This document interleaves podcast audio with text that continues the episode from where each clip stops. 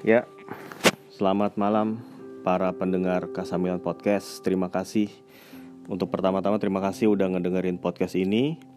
Dan sebagaimana gue juga cek di dalam stats yang gue cek baik dari Anchor maupun dari Spotify, ternyata uh, antusiasme teman-teman terhadap podcast Kasamilan ini menurut gue cukup tinggi ya mengingat ya gue bikinnya sendiri dan ala kadarnya, tapi ya dalam satu episode itu bisa ada sekitar ya lumayan lah jumlah yang lumayan uh, jumlah pendengarnya. Gue nggak akan nyebutin berapa.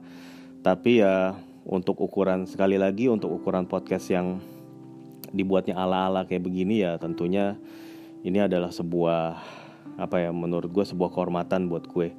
Dan uh, gue mengucapkan terima kasih untuk itu. Nah kenapa gue bikin podcast tiba-tiba begini? Ya tentunya karena ada hal yang emang perlu segera untuk dibicarakan. Dan ini tentunya terkait dengan uh, sebuah berita besar ya.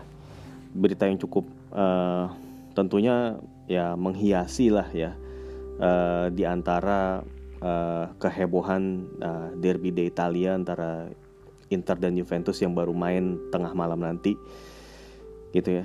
Tapi Milan juga membuat berita di sini membuat kejutan yang dalam artian positif. Karena Uh, Mario Mandzukic sebagaimana kita tahu adalah mantan pemain Juventus. Ya, ya tapi sudah enam bulan tidak terikat dengan klub mana pun itu kabarnya bersedia untuk menjadi pemain Milan. Dengan kontrak enam bulan ada opsi perpanjangan jika lolos ke Liga Champions atau uh, memainkan certain numbers of games atau ada mungkin ada klausul lain-lainnya. Dengan gaji yang ada yang bilang satu setengah juta euro ada yang bilang 1,8 ya masih belum tahu lah gitu berapa besar gaji dari seorang Mario Mandzukic gitu. Tapi yang pasti ini adalah gua rasa sih kabar gembira ya. Dan rata-rata Milanisti itu mempunyai respect terhadap pemain ini. Ya sebagai pemain yang uh, pemain mantan pemain klub uh, pesaing pem, klub rival ya. Yang kalau pas lagi dihadapin itu susah banget alot banget ya. Dan kalau misalnya uh, bertindak sebagai lawan itu dia nyebelin banget. Tapi pemain yang nyebelin itu sekarang berada di dalam tim. Emang kadang-kadang ada situasi kayak gitu ya. Kita berharap pemain lawan memperkuat tim kita dan mungkin Manjukik ini adalah salah satunya gitu dan meskipun ya agak-agak uh, memakan waktu yang lama dan sekarang Manjukik juga udah berusia 34 tahun dan jalan jalan 35 juga gitu. Tapi ya ya udahlah uh, menurut gue kalau memang Ibra, Simon Kiar yang udah usianya di atas 30 tahun bahkan Ibra 39 ya kenapa nggak Manjukik juga gitu. Karena Manjukik juga sebagaimana sering kita lihat uh, permainannya itu memang tipikal pesepak bola yang fighter sangat-sangat energetik sangat-sangat uh, versatile bisa dimainkan di banyak peran dan tentunya secara taktikal dibutuhkan untuk menjadi uh, baik pelapis dari Ibra maupun bisa juga dimainkan bareng-bareng karena Manjukic juga punya kebisaan untuk menjadi pemain penyerang kiri atau sebagai wide target man. Nanti gue akan cerita lebih lanjut lagi tentang Manjukic menjadi wide target man itu fungsinya seperti apa, gitu ya. Uh, tapi sebelumnya gue seperti biasa ya, gue sangat suka dengan hmm, yang namanya cerita di balik berita, yaitu cerita di balik uh, ya 90 menit yang biasa kita cuman saksikan di layar televisi gitu. Jadi uh, cerita seorang Manjuki ini mungkin nggak nggak terlalu beda jauh dengan anak-anak uh, Balkan ya uh, wilayah semenanjung Balkan yang memang sangat-sangat penuh konflik pada tahun-tahun 80-an akhir ya 90-an kayak gitu itu sangat banyak konflik berdarah bersenjata yang kemudian memecah eh, federasi Yugoslavia itu menjadi beberapa negara gitu ya. Jadi Kroasia, eh, Bosnia and Herzegovina, Serbia dan sekarang ada Montenegro, ada Makedonia, Makedonia Utara, Albania, Kosovo ya banyaklah negara-negara Balkan di situ. Dan sebagaimana kita tahu juga pemain-pemain Balkan ini umumnya berkarakter keras gitu ya dan mereka tuh uh, terkadang memunculkan sisi negatif tapi nggak jarang juga memunculkan sisi positifnya. Ya begitu juga Manjukik lah. Manjukik ini dikenal ya kita tahu seorang big game player, seorang pencetak gol juga, seorang fighter, tapi dia juga kadang-kadang di lain sisi suka uh, berkonflik juga dengan lawan, ya kadang-kadang dengan pelatih, ya. Dia juga kerap bermasalah dengan soal disiplin di lapangan, dia sering menerima hukuman kartu, gitu ya. Temperamennya juga ya kadang-kadang ya perlu ditenangkan gitu ya. Dia adalah pemain yang fearless yang punya nyali. Tapi sekaligus itu menjadi kekuatan dan kadang-kadang sekaligus jadi kelemahan ya. Nobody's perfect lah ya gitu. Balik lagi Manjukik itu lahir di uh, Slavinsky Brod ya sebuah uh, wilayah atau kota yang berada di sebelah timur dari um, Kroasia dan dekat dengan perbatasan dari negara Bosnia Herzegovina. Dan uh, pada saat Manjukik itu masih anak-anak ya orang tua mereka itu membawa Manjukik itu uh, mengungsi di Jerman di kota Ditzengen di Jerman uh, sekitar 10 km dari kota Stuttgart gitu ya. Dan di situlah uh, Manjukik itu uh, mengasah bakat sepak bolanya pertama kalinya uh, di masa kanak-kanak di Jerman jadi Manjukik ini memang cukup identik dengan negara Jerman gitu ya jadi ya dengan karakter kerasnya Balkan ditambah dengan kedisiplinan yang dia dapat semasa di Jerman itu emang membentuk karakternya dia gitu.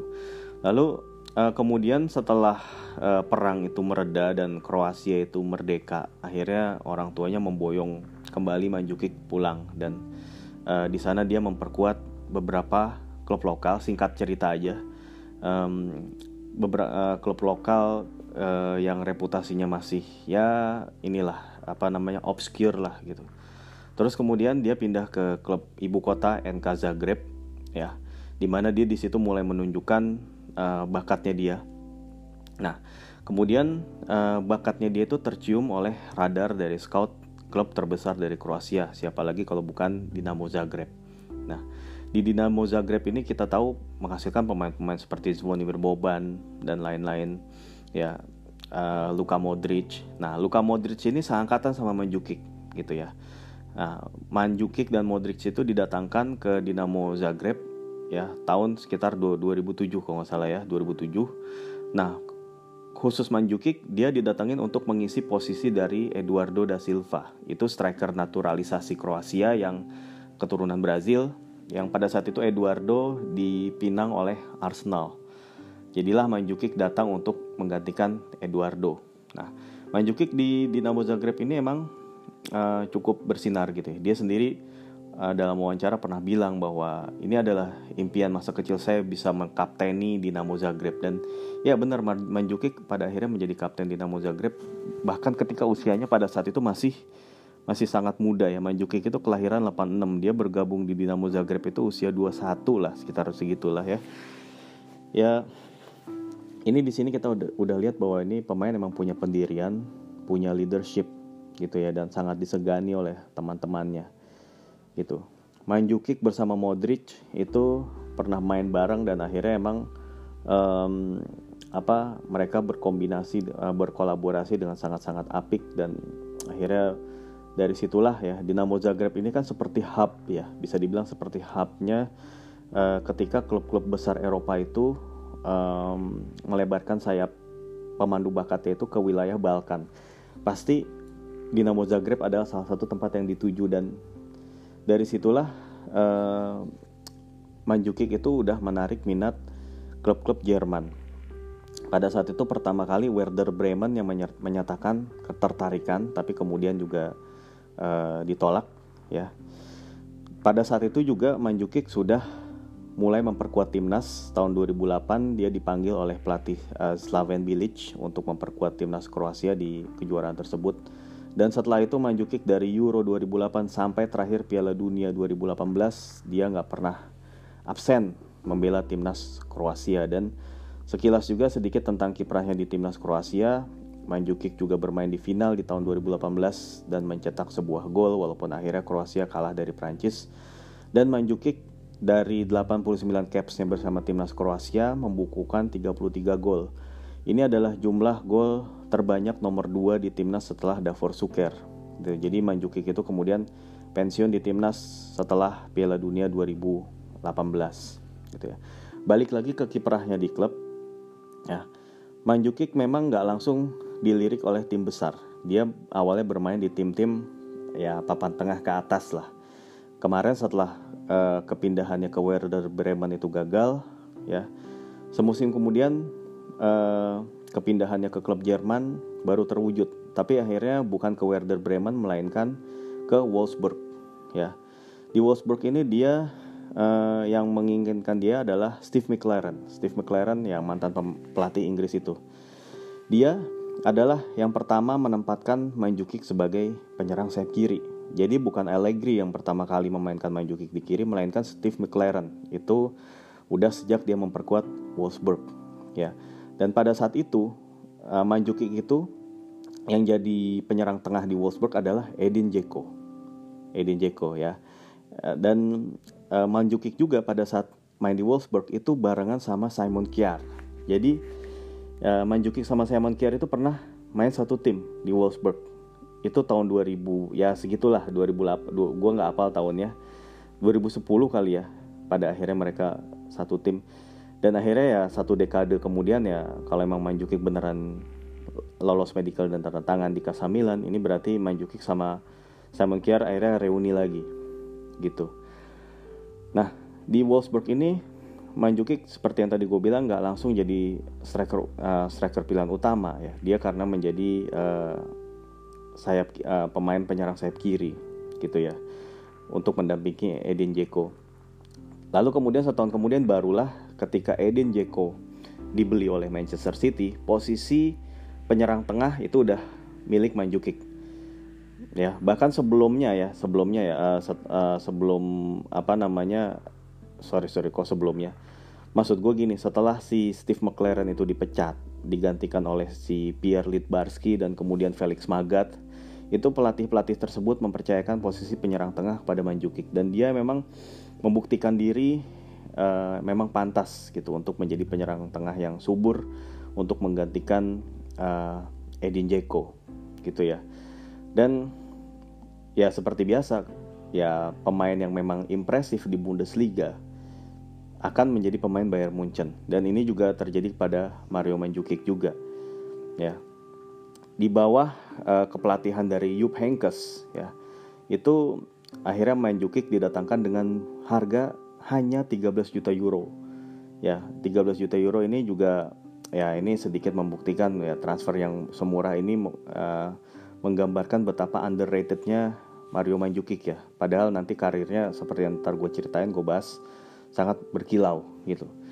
Dan di musim pertamanya Mandzukic bersama Bayern Munchen kita tahu mereka memenangkan treble winners dan ya Mandzukic adalah pemain yang mencetak gol di babak final di pertandingan melawan Dortmund ya.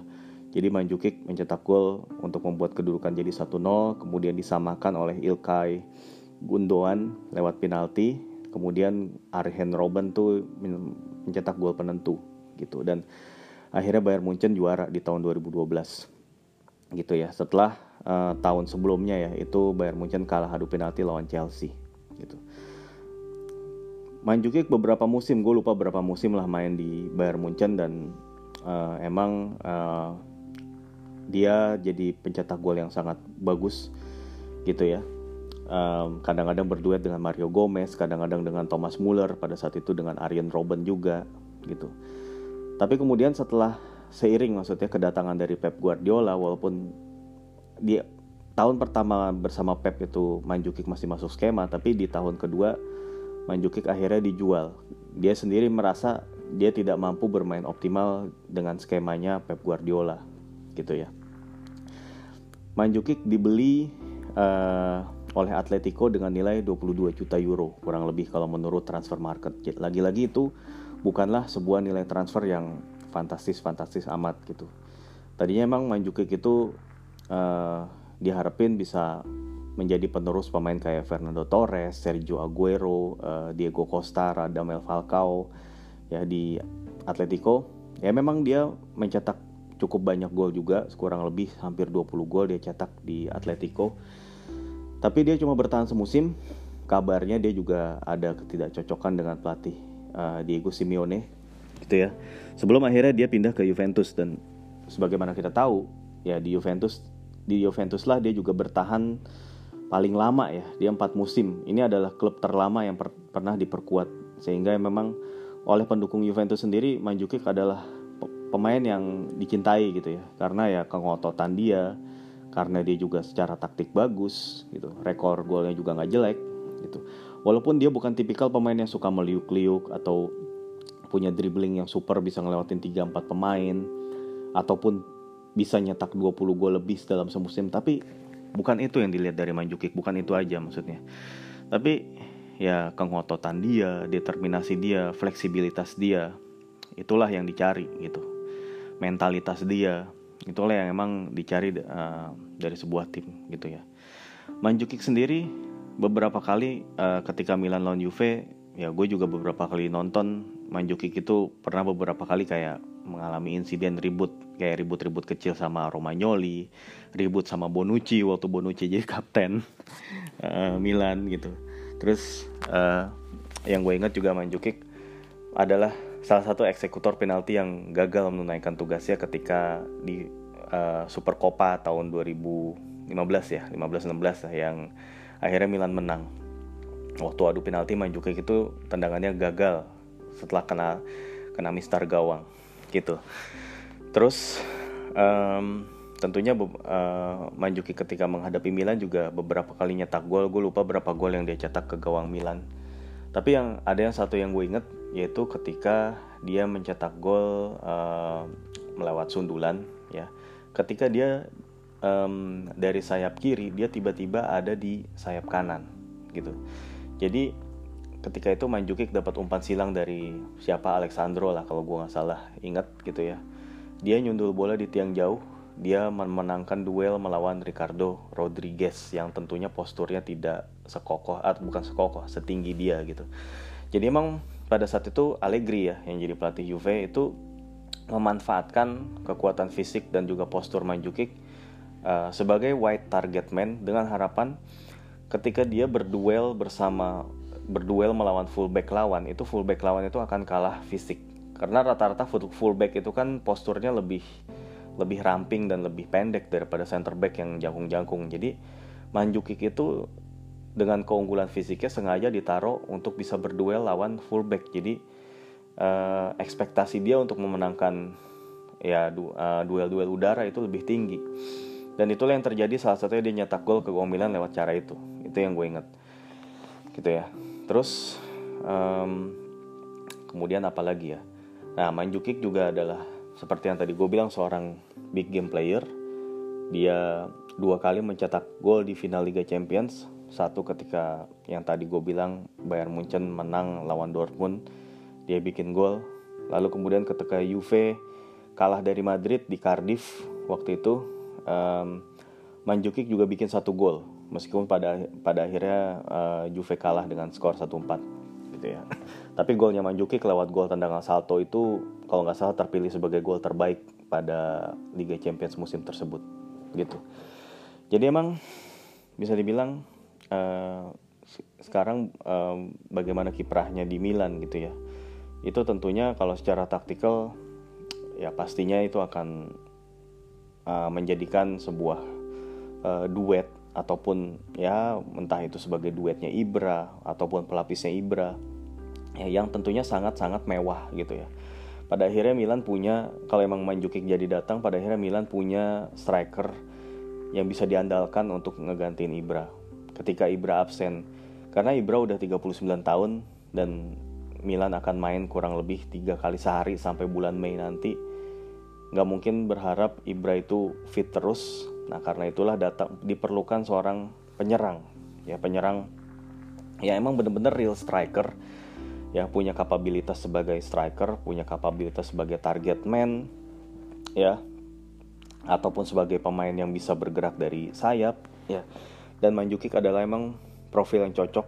Dia udah pengalaman di Serie A, dia udah pengalaman di level internasional, di kontinental. Jadi emang secara mental juara emang itu sangat sangat bisa ngebantu tim mudanya Milan gitu. Dan Stefano Pioli sendiri bisa memanfaatkan dia dengan di berbagai skema permainan ya.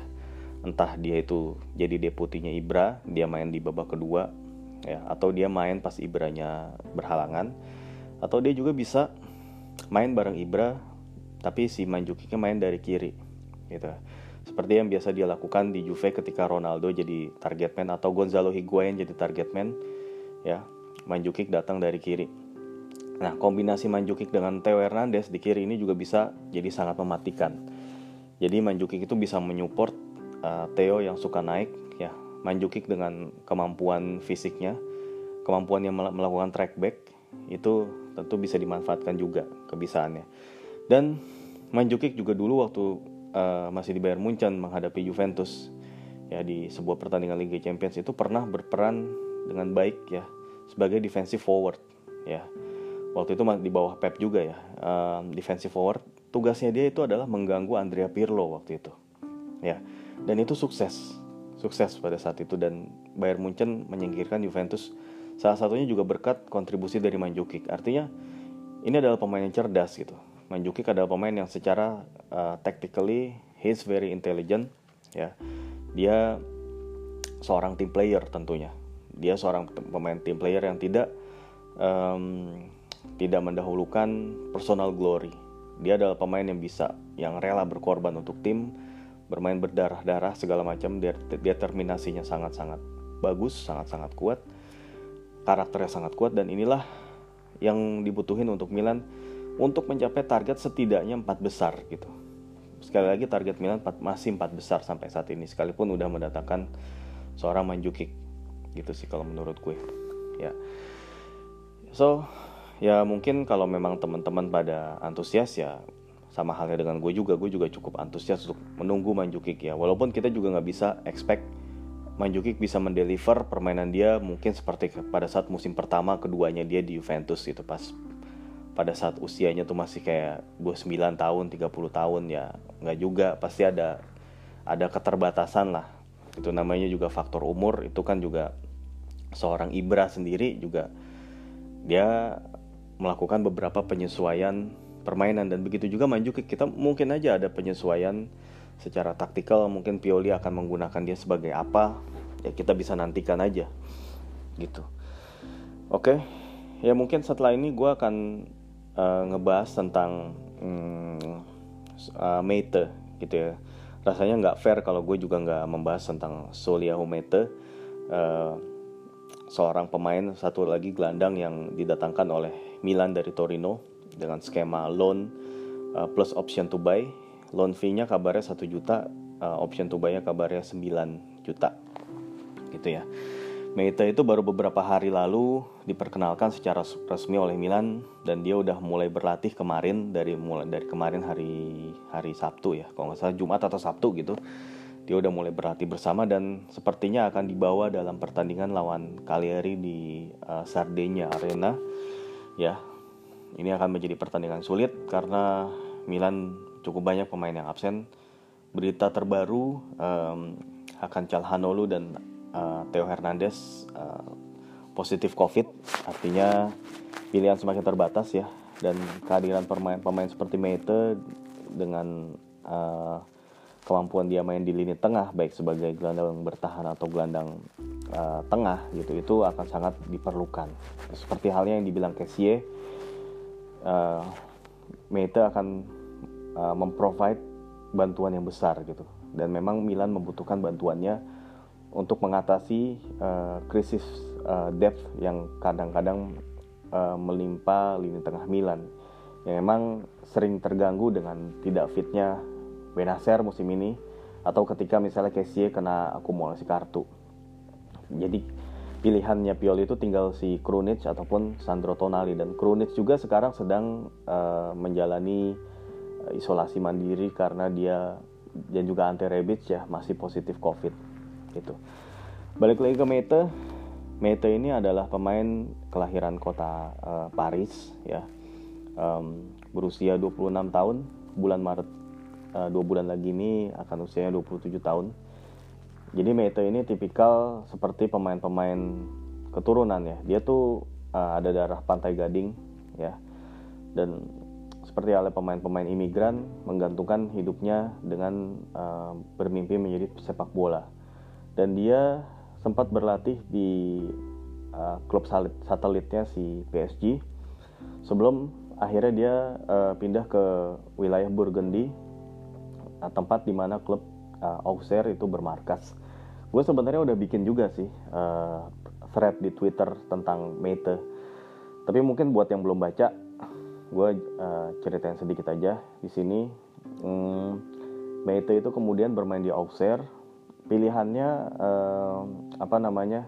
Kalau dari sumber atau artikel yang gue baca itu adalah pertimbangannya karena mereka membolehkan pemain ini pulang pada saat weekend. Jadi berganti dengan uh, kota Paris itu jaraknya nggak terlalu jauh, bisa ditempuh dengan uh, moda transportasi biasa gitu ya. Jadi akhirnya si Meite menerima tawaran dari uh, Auxerre. Ya, dan kemudian emang dia berkembang di situ. Kemudian uh, Meite menarik minat uh, tim dari Lille, ya, Lille uh, tim yang ngalahin Milan musim ini. Ya Meite pernah main di situ. Tapi kemudian di Lille uh, dia itu nggak cocok, ternyata nggak nggak masuk dalam tim inti. Akhirnya dia dipinjamkan ke salah satu klub uh, Belgia. Kalau nggak salah divisi 2 waktu itu. Zulte Zulte Waregem. Gue nggak ngerti gimana bacanya. Kalau nggak salah tulisannya gitu ya Zulte Waregem gitu. Akun Twitter gue di follow tuh sama akun Twitter akun Twitter resminya Zulte Waregem. Ya. Terus uh, di Zulte ini si Maite berduet dengan pemain yang tentunya eh bukan berduet ya salah gue berduel berduel. Eh, ketika mereka berhadapan di kompetisi Liga Belgia dengan klub Anderlecht ya. Anderlecht itu mantan klubnya Saelmakers dan pada saat Mete di situ itu adalah uh, klub di mana Yuri Tillemans itu bermain. Yuri Tillemans sebagaimana lo tahu pernah main di Monaco dan juga sekarang di Leicester City ya ketika itu si Mete main sangat impresif di Liga Belgia sebelum akhirnya masuk radarnya si Monaco yang pada saat itu sangat ambisius membentuk tim di bawah uh, miliarder Dmitry Ribolovlev asal Rusia. Lalu kemudian si Mete ini uh, didatangkan bersama dengan Tillmans. Sebagaimana kita tahu juga emang Tillmans ini menjelma menjadi pemain andalan di Monaco sementara Mete enggak ya Mete itu kalah bersaing lah di, di Monaco dan cerita ketika dia bergabung dengan Lille itu terulang kembali. Dan sebagai tambahan info juga di timnas kelompok umur Prancis, Mete itu sempat main di sampai ke under 20 atau under 21 lah ya. Dia itu seangkatan sama uh, Benjamin Mendy sama Aymeric Laporte, dua pemain yang sekarang memper memperkuat Manchester City. Tapi memang sayangnya Meite belum pernah memperkuat timnas Prancis senior sampai saat ini. Jadi mungkin bisa jadi suatu saat dia memutuskan untuk membela timnas uh, Pantai Gading. Siapa tahu dia bisa berduet dengan Franck ntar di tengahnya uh, Pantai Gading seperti halnya di Milan nanti gitu ya. Dan lalu kemudian uh, dari Monaco uh, Meite dipinjamkan, gue lupa dipinjamkan atau dibeli oleh Bordeaux ya dari Bordeaux kemudian ya, Gianluca Petracchi yaitu direktur mantan ya mantan direktur sport dari Torino itu mendatangkannya ke Turin.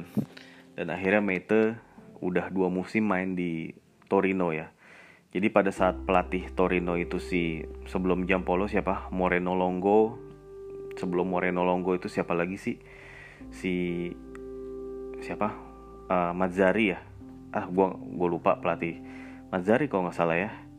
Pokoknya Meta itu jadi pemain inti di dua pelatih tersebut. Cuman setelah pelatihnya itu berganti ke Giampolo, emang Meta kehilangan posisi inti karena Torino itu di tengah sekarang mengandalkan Rincon, uh, Sasa Lukic dan juga uh, pemain yang baru didatangkan dari Sampdoria, Carol Linetti yang emang pemain yang dekat dengan Giampolo, pernah main di Sampdoria waktu itu bareng dilatih oleh Giampolo. Jadi emang Meta kehilangan tepat di situ dan pada saat itulah Milan kemudian mengambil peluang gitu. Jadi emang operasi atau pembelian dari uh, ini in fact juga Manjukic juga ya. Ini adalah sebenarnya low risk investment juga gitu karena ya pertama sistemnya kalau Manjukic itu kan free agent ya nggak ada biaya transfer nggak ada loan fee paling ada agent fee doang gitu. Tapi kalau Mete ini ya dia juga opsi beli. Kalau emang nanti di akhir musim Milan ngelihat Mete itu nggak cocok ya udah balikin lagi aja. Tapi setidaknya enam bulan ini Milan bisa pakai jasanya dia bisa pakai tenaga dia. Gitu. Dan emang kehadiran pemain seperti Mete ini penting. Dia dalam statistik unggul dalam hal intercept ya dan juga dribble. Jadi intercept ini membuktikan kemampuannya dia juga untuk ngebaca reading game ya, kemampuan membaca permainannya bagus berarti.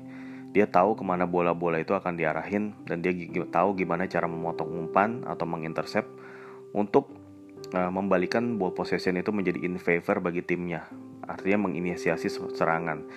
Dan Mete juga punya dribble dribble yang bagus itu buktinya statistik dribbling dia juga cukup menonjol ini juga bukti bahwa Mete ini bisa difungsikan uh, sebagai ball carrier. Artinya pemain yang bisa ngebawa bola dari belakang ke depan ya sangat ngebantu dalam transisi cepat atau quick transitionnya ala Stefano Pioli. Jadi emang uh, pemain yang didatangkan oleh Maldini Masara ini nggak semata-mata pemain yang terkenal atau pemain yang udah punya nama atau pemain yang mahal. Tapi adalah pemain yang benar-benar sesuai sama kebutuhan tim dan juga pemain yang masih bisa di develop gitu loh. Dan Milan tentunya ngelihat Mete ini punya potensi ke situ. Siapa tahu aja. Gitu. Toh kalaupun emang balik lagi ini kan low risk investment ya. Kalau emang nggak cocok ya udah tinggal balikin aja musim depan ke Torino. Selesai. Gitu. Nanti uh, kalau Tono Tomori itu udah deal mungkin gue akan sedikit baca-baca tentang storynya dia. Sedikit nonton beberapa pertandingan dia gitu yang di mana dia dimainkan. Tapi sejauh info yang gue tahu ya Tomori itu ada uh, masih ada turunan Kanada dan uh, kemungkinan juga masih ada darah Afrikanya juga ya. Ya pemain berkulit hitam namanya juga Fikayo Tomori yang sangat-sangat gak Inggris gitu. Terus um, Tomori juga seorang pemain yang udah memperkuat timnas senior kalau gue nggak salah. Timnas senior Inggris artinya emang talentanya dia tuh ada dan Frank Lampard itu emang ingin ngasih dia itu uh, pengalaman gitu dengan ngelepas dia. Karena emang pilihan utamanya Chelsea di belakang itu kan sekarang uh, antara Thiago Silva gitu ya ataupun pemain-pemain yang ya lain lah bukan dia lah gitu. Dia nggak jadi pilihan utama lah di Chelsea dan akhirnya karena Chelsea melihat Tomori itu sebagai aset di masa depan dia ngasih loan gitu. Tapi juga dia nggak nggak nggak menutup kemungkinan Tom Tomori dilepas permanen, makanya dia ngasih bandrol sekitar 30 juta gitu. Nah, inilah yang mungkin yang masih perlu uh, diselesaikan oleh Maldini Masara. Ya dia akan mereka akan bernegosiasi dengan Marina Granovskaya ya dari namanya kayak nama Ceko atau uh, Slovakia ya. Uh, itu um, salah satu direktur dari Chelsea gitu oke okay. um, kurang lebih itu aja segitu aja update yang mau gue sampaikan terkait dengan Manjukic dan juga sedikit tentang Mete. Semoga teman-teman juga mendapatkan informasi yang berharga dan berguna dengan mendengarkan podcast ini. Uh, mohon maaf jika ada kekurangan-kekurangan di sana sini. Dan terima kasih udah menjadi pendengar setia dari Kasamilan Podcast. Sampai jumpa lagi dalam episode selanjutnya. Dan jangan lupa nonton Cagliari Milan. Besok Selasa dini hari. Ya memang mainnya dini hari sih, tapi ya kalau emang teman-teman itu masih pada WFH ya bisa diatur gitu ya, masih bisa diatur lah. Lu bisa nonton terus kemudian kan lu bisa istirahat lu kan terus gak perlu berangkat ke kantor ya mungkin lu harus check in absen uh, online absen sekitar jam 8 atau setengah 9 ya lu kan bisa atur gitu karena WFH ya begitulah uh, ya ada hikmahnya juga ada untungnya juga WFH ya. Lu jadi bisa banyak nonton Milan apalagi ya kalau Milan ternyata musim ini bakal menjadi musim yang unforgettable musim yang musim yang positif dan artian positif. Tapi ya sekali lagi gue juga nggak berani terlalu yakin karena kemarin aja Lazio menang lawan Roma dan sekarang nih Napoli lagi menang telak lawan Fiorentina gitu. Artinya tim-tim seperti yaitu Napoli, Lazio, termasuk juga Atalanta itu nggak bisa di underestimate gitu untuk jadi pesaing Milan di empat besar gitu jarak poin mereka itu udah nggak terlalu jauh lagi gitu Milan sama Atalanta itu virtually cuman beda beda berapa ya sekarang sih bedanya cuma 9 tapi kalau Atalanta menang lawan Udinese cuma beda 6 Begitu juga Napoli. Napoli masih ada sisa satu game lawan Juve dan yang apa pun hasilnya itu menguntungkan Milan sih gitu. Terus Lazio juga udah kembali ke ritmenya dia uh, seperti halnya tahun lalu sebelum uh, sebelum Covid gitu. Jadi Lazio kan sempat jadi kapolista ya. Kemudian akhirnya setelah Covid performanya jatuh gitu. Tapi sekarang Lazio udah balik lagi ke situ. Artinya there's no easy way gitu nggak juga sekalipun Milan lagi dalam posisi memimpin klasemen ini udah aman setidaknya tiket ke Liga Champions tahun depan itu udah pasti didapat nggak menurut gue masih jauh itu masih kemungkinan tuh masih bisa terbuka. Tapi ya kita baru bisa ngelihat itu setelah bulan Maret April lah ya. Baru ngelihat posisi Milan itu ada di mana. Dan sebagaimana gue pernah bilang juga setidaknya butuh berapa ya? Sekarang kan udah menang 13 kali lah ya. 13 ya kalau nggak salah menang ya. 13 atau 12 gitu. Ntar kalau menang lawan Cagliari terus apalagi kalau menang lawan Atalanta ntar ya tentunya ya jumlah kemenangan Milan nanti di putaran kedua itu ya mungkin 10 kali menang lagi lah gitu. 10 menang 10 menang dari 19 pertandingan itu bukan hal yang mustahil untuk didapat gitu ya menurut gue. Dan makanya ngebut lah di putaran pertama. Nah di putaran kedua kehadiran pemain seperti Manjukic, Tomori dan juga Meite itu ya mungkin bisa menjaga uh, kecepatan Milan gitu. Supaya Milan itu tetap ngebut, tetap ngegas sampai akhir musim bagaimanapun hasilnya ya give it aja lah gitu. Terima apa berikan yang terbaik, ya berharap yang terbaik nanti ya udah terima aja gitu. Soal apakah nanti setelah tiga ya nggak tahu ya soon to ya pemain ini akan datang, apakah ada pemain lagi yang akan didatangkan kita nggak tahu. Karena Maldini dan Masara itu melihat-lihat juga gitu, melihat berbagai kemungkinan gitu. Dan tentunya ada sisi positif di kala tim-tim lain itu banyak yang pasif di bursa transfer apalagi tim-tim gede kayak Juve, Inter itu belum pada datangin siapa-siapa.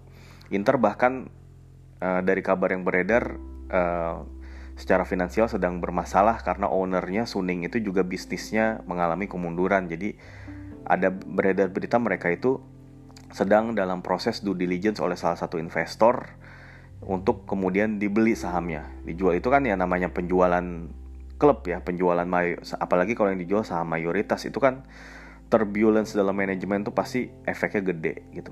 Ya kita nggak tahu lah ntar bagaimana perkembangan mereka ntar. Tapi yang jelas ya dengan kondisi seperti itu sulit untuk berharap mereka itu nggak datengin pemain baru untuk reinforcement. Ya walaupun ya tim seperti Inter atau Juve itu nggak perlu reinforcement lagi sih mereka udah emang kuat dari dari awal musim itu. Tapi tim-tim pesaing lain kayak Roma, Lazio, Atalanta itu kan ya 11-12 kekuatannya sama Milan gitu juga Napoli.